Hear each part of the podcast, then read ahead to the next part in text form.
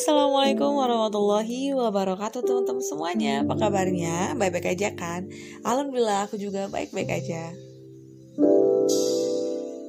Gimana nih harinya nih yang dengerinnya malam?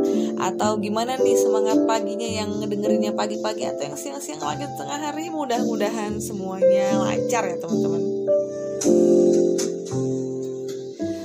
aku udah janji banget buat ngomongin masalah sejarah nih teman-teman. Tapi sebelum kita masuk ke awal mula aku pengen kita sama-sama rada kontemplasi sedikit gitu ya sama gini loh pergaulan zaman now gitu loh teman-teman. Udah udah udah dipikirin udah. Iya jadi aku tuh ngerasa miris banget kalau mikirin pergaulan zaman now tuh kayak ah gitu kan. Kayak rasanya hati tuh berat gitu teman-teman sesuatu yang tabu untuk dibicarakan. Itu kayaknya gampang banget untuk diomongin. Jadi semacam kalau apa tuh sinetronnya tuh dunia terbalik gitu ya teman-teman. Yang salah jadi benar yang benar jadi salah yang benar terasa asing yang salah terasa sangat familiar gitu. Ya itulah pergaulan zaman now di mana kita hidup di dalamnya teman-teman Kenapa ya orang-orang zaman sekarang tuh gampang banget buat maksiat ya teman-teman? Aku tuh sampai kepikiran banget apakah kita emang penghuni akhir zaman? Karena aku tuh berdoa banget aku tuh nggak pernah ketemu sama yang namanya akhir zaman teman-teman. Please no. Karena salah satu ciri-ciri dari adanya akhir zaman itu adalah ketika semua jenis dosa di setiap masa nabi-nabi dan rasulullah terdahulu ini jadi satu teman-teman. Jadi di tiap masanya nabi dan rasul itu ada apa ya semacam karakter umatnya. Misalnya karakternya tuh yang sombong satu sisi. Terus yang satu lagi yang misalnya yang tukang me, apa mengganti melicik apa sih licik tuh ya menipu ya di timbangan ya sampai yang riba itu ada spesifik lagi yang lain terus ada yang ya macam-macam lah gitu jenis-jenis uh, kaum kaum terdahulu. Nah ciri-ciri akhir zaman ini di mana jenis-jenis dosa dari dari dari para kaum terdahulu tuh jadi satu teman-teman. Aku tuh sebenarnya nggak mau percaya ya dan nggak mau kayak mau nggak mau menerima kenyataan tapi kayaknya kita lagi ada di zaman itu deh teman-teman. Zaman di mana maksiat tuh banyak dan juga jenis maksiat itu kayaknya dari A sampai Z tuh udah terchecklist semua nih teman-teman. Sampai aku akhirnya berpikir kayaknya ini yang salah tuh dari inputnya deh. Karena kan kalau kita bicara tentang maksiat tuh berarti kita sedang melakukan aktivitas yang salah. Dan aktivitas ini adalah sebuah output ya kan? Output yang output tuh kalau bisa dikatakan sebagai sebuah hasil berarti dia tuh adalah hasil dari proses yang inputnya nggak tahu tuh apaan kan? Ibarat kata nih ya ya kan? Kalau kita makan racun ya keluarnya juga racun. Yang ada mungkin sampai mati gitu kan teman-teman. Kalau makanan kita bergizi ya kita juga jadinya sehat walafiat gitu kan teman-teman. Nah ini nih ini nih yang mungkin selama ini kita kurang cross check dan recheck ya dan juga kurang difilterisasi kan bahasanya ya kan? Input kita apa nih kira-kira gitu. Kalau secara teori nih kalau boleh aku share sedikit ya nggak deh nggak nggak nge-share sih kayak istilah. Pasti teman-teman tahu tahu nggak tahu kan? Yang namanya budaya populer teman-teman. Budaya populer tuh ya kayak film music um, you know like books. Tapi books nih yang nggak berfaedah ya kayak magazine terus kayak gitu gitulah ya news yang nggak penting gitu kan yang cuman gosip-gosip ngikutin artis dan lain sebagainya. Itu yang sebenarnya kalaupun kita harus jujur banget yang menjadi keseharian kita kan teman-teman. Dari film-film Hollywood, Netflix, drakor film Korea sampai FTV kan di zaman gitu kan yang ada siluman-siluman terbang-terbang ular itu kan kemudian kita berdalih ya gimana kak? Soalnya hidup aku tuh kayak udah menderita banget gitu kan. Terus kayak gue butuh entertainment gills biar gimana gitu kan. Gitu hidup gue tuh kayak bisa refresh lagi gitu gitu kan. Ya bener sih emang kita tuh butuh yang namanya entertainment di hidup kita. Tapi kan teman-teman sebagai seorang muslim mestinya entertainment kita juga yang berfaedah gitu loh teman-teman kalau cuma nonton film kebanyakan ya kebanyakan nih inputnya cuma itu jangan harap kita punya output yang akan bisa jadi bagus teman-teman. Lah ya inputnya film ya kan mungkin makanya itulah hidup kita tuh jadi kayak drakor gitu kan. Nah, siapa kan yang di sini baper? Kalau aku sih enggak sih. Nggak banyak bapernya sedikit lah lumayan. Atau nggak salah lagi gitu jadi seperti entertainment tuh bisa dipilih juga ya teman-teman yang lebih berfaedah kayak misalnya hiking atau hiking atau um, hiking apalagi ya olahraga gitu apa kek gitu kan main congklak kek gitu apa kek aritmatika gitu kan lomba. Aduh pusing kok aku mikirinnya pusing mau entertain malah pusing. Tapi you know what I mean kan maksudnya ke sana gitu loh teman-teman ya that's why aku pikir itulah kenapa pada akhirnya orang banyak banget yang mudah untuk bermaksiat. Karena pada akhirnya inputnya yang mungkin salah. Karena sebenarnya gini teman-teman input kita ini yang kadang-kadang kita nggak ngefilter ya teman-teman. Kan dia tuh akan berbuah menjadi sebuah pemahaman teman-teman. Sadar nggak sadar apa pun yang masuk ke dalam diri kita bentuknya apa pun itu akan berbuah menjadi sebuah wawasan menjadi sebuah pemahaman yang nanti tuh pada akhirnya akan diproses gitu kan misalnya nih ya misalnya kayak uh, selama ini kita kuliah eh, kuliah lagi. Sekolah dari kecil sampai kuliah ya kan? Itu belajar tentang apa tuh? Ilmu apa kan? Ilmu ya yang alam ya ilmu sosial ada matematika bahasa Indonesia dan lain sebagainya gitu Nah, ya kan? Terus gimana nih dengan hidup kita? Sebenarnya itu juga mungkin untuk menopang hidup kita ya, gitu untuk kita kerja dan tahan. Kalau misalnya hidup yang sebenarnya nih yang kita omongin ya, teman-teman yang yang lebih real, yang lebih real ya. Berarti kan kita butuh ilmu apa sih? Ada yang bisa jawab?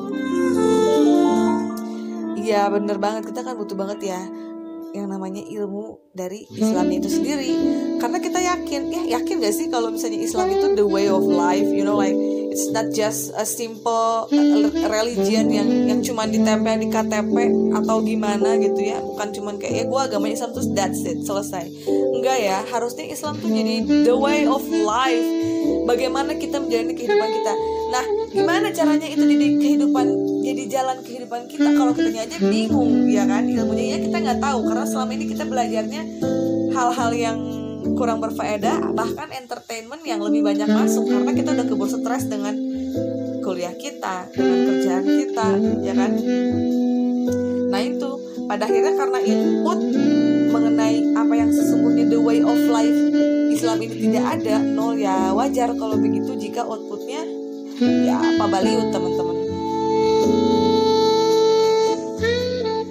Kalau gitu kalau misalnya kita udah oh kayaknya gue udah terada tercerahkan nih iya berarti selama ini gue kayaknya kurang ngebalance ngebalance antara um, you know input gue yang berfaedah dan yang kurang berfaedah gitu kan. Terus yakin gak sih? Yakin gak sih bahwa emang Islam tuh the way of life? Nah sekarang Islam ya kita bahas Islam sedikit nih kita masuk mulai ke awal mula. Islam ini siapa sih yang menurunkan?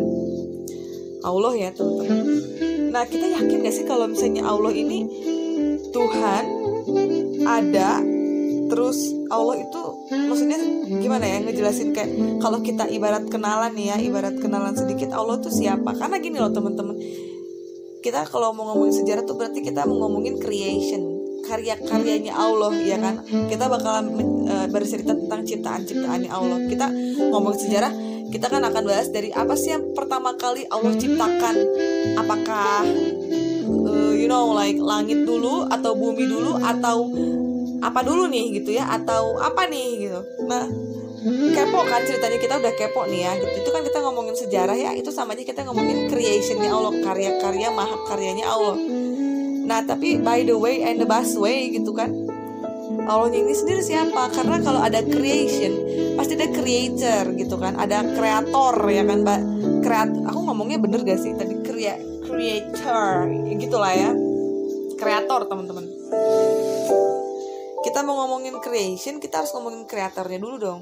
Kita jangan-jangan selama ini belum begitu kenal sama kreatornya iya gak kayak misalnya nih ya misalnya sederhananya aja. Allah tuh menciptakan tujuh langit. Kebayang gak sih tujuh langit dan tujuh lapis bumi. Jadi di bumi ini ada tujuh lapis teman-teman. Dan langit di atas kita itu ada tujuh. Kita di langit keberapa teman-teman? Cuma langit langit ke satu teman-teman. Langit ke satu itu terdiri dari apa? Bumi aja? Enggak. Tata surya galaksi Bima Sakti dan galaksi miliaran juta galaksi lain itu ada di satu langit teman-teman. Dan Allah ciptakan itu yang lain tuh ada enam lagi. Jadi ada tujuh langit ada tujuh lapis langit. Di mana di setiap lapis antarnya itu untuk sampai gitu ya, dari lapisan lapisan langit pertama ke lapisan langit kedua itu waktu yang harus ditempuh adalah 500 tahun. Apa enggak? 500 tahun. 500 years teman-teman. Dengan kecepatan apa? Kita nggak tahu apakah dengan kecepatan cahaya dan 500 tahun ini apakah konversi waktunya kita atau konversi waktunya Allah kita juga nggak tahu. Karena kalau konversinya waktunya Allah satu harinya Allah itu sama dengan seribu tahun di bumi. Jadi kita nggak tahu ini 500 tahun dalam hadis ini. Yang dimaksud apakah waktunya dalam yang di genggaman Allah atau waktunya kita manusia gitu. Kebayang nggak? Nyiptain tujuh langit dan tujuh lapis bumi itu hanya dalam waktu enam hari Well, sebenarnya Allah bisa nyiptain tuh kayak kun fayakun terus tring jadi gitu ya. Tapi Allah lebih memilih untuk membuat waktu enam hari. Ini salah satu tanda dari Allah itu sifat yang al-hakim atau kita bisa bilang al-hakim itu maha bijaksana. Di mana di setiap di setiap apa yang dilakukan oleh Allah ini pasti ada hikmah yang mendalam yang bahkan mungkin gak bisa semua hikmahnya ini kita kita grasp gitu loh teman-teman. Kita bisa ambil semuanya gitu karena kita terbatas. Nah ini teman-teman. Jadi sebelum aku masuk kan ya gitu kayak jadi Allah nyertain apa dulu? Nah kita harus yakin dulu gitu. Karena teman-teman betapa pentingnya kita mengetahui uh, kadar keyakinan di dalam diri kita tentang siapa itu Allah. Seorang kreat seorang kreat kok seorang sih? Zat kreator yang menciptakan itu semua dengan sangat mudah teman-teman. Dan somehow kalau aku balikin lagi ke tadi yang pertama nih ya teman-teman. Kita dibilang kita tuh nggak boleh maksiat sama siapa sih? Sama Allah ya teman-teman. Terus di akhirnya tadi aku bilang Allah tuh gampang banget bikin maha karya yang luar biasa. Bahkan yang tadi aku ceritain sedikit aja tujuh langit dan tujuh lapis bumi itu hanya dalam waktu enam hari teman-teman ya nggak enam hari. Dan kita main-main sama zat yang bisa melakukan hal tersebut gitu loh teman-teman. Main-main yang aku maksud tuh kalau misalnya orang-orang yang pada dengan mudahnya melakukan maksiat gitu loh teman-teman. Dengan mudahnya ngeyel mengeyelkan hidupnya dengan mudahnya kayak menyerah hidupnya untuk dunia ini yang hanya sementara itu berani beraninya gitu kan how come dia tuh bener-bener uh, mudah banget melakukan maksiat kepada zat yang luar biasa spektakuler. Ya tadi mungkin salah satunya adalah kita belum lagi ngecek seberapa yakin kita tuh bahwa Allah tuh ada seorang eh sorry salah lagi kan zat kreator yang menciptakan ini semua teman-teman. Iya enggak iya enggak ya emang penting banget sih gitu kan tahu apa yang meyakini karena pada akhirnya ya teman-teman ketika kita yakin kita pasti melangkah pun akan lebih hati-hati teman-teman. Iyalah secara sekarang gini lah teman-teman. Ada yang di sini udah kerja atau mungkin udah ya maksudnya masih kuliah masih sekolah pasti sama gurunya ada yang ditakutin. Pasti sama atasannya takut atau ngerasa kayak segen. Kenapa? Karena dia telah melakukan karena dia berada di atas kita dia punya power yang yang lebih besar dari kita dia memegang takdir kita gitu. Kalau anak kuliah memegang takdir nilai ya kan? Kalau di kerjaan dia memegang gaji kita pada hakikatnya semuanya itu Allah yang ngatur. Tapi ini masalah hidup kita gitu. Ketika kita berbicara kita tuh berkaitan langsung dengan Allah Allah gitu. Seorang kreator dari mahakarya yang selama ini kita lihat. Kita kok main-main ya teman-teman